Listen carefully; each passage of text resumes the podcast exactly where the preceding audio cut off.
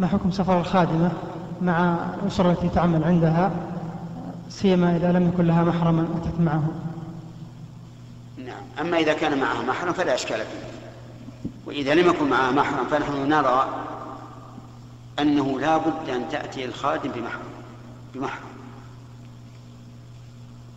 رأينا ذلك وإن كنا في الأول يعني نتساهل فيه لأننا سمعنا حوادث مزعجة مروعة في مجيء الخادم بدون محرم يحميها. ولا سيما في بيت فيه شباب مراهقون فإنه يحصل الوقوع في الفاحشة العظمى والعياذ بالله.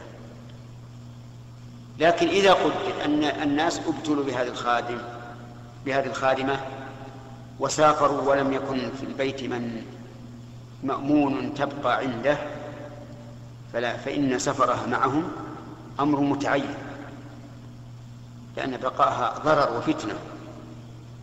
فلا بأس في هذه الحال أن تسافر معهم للضرورة.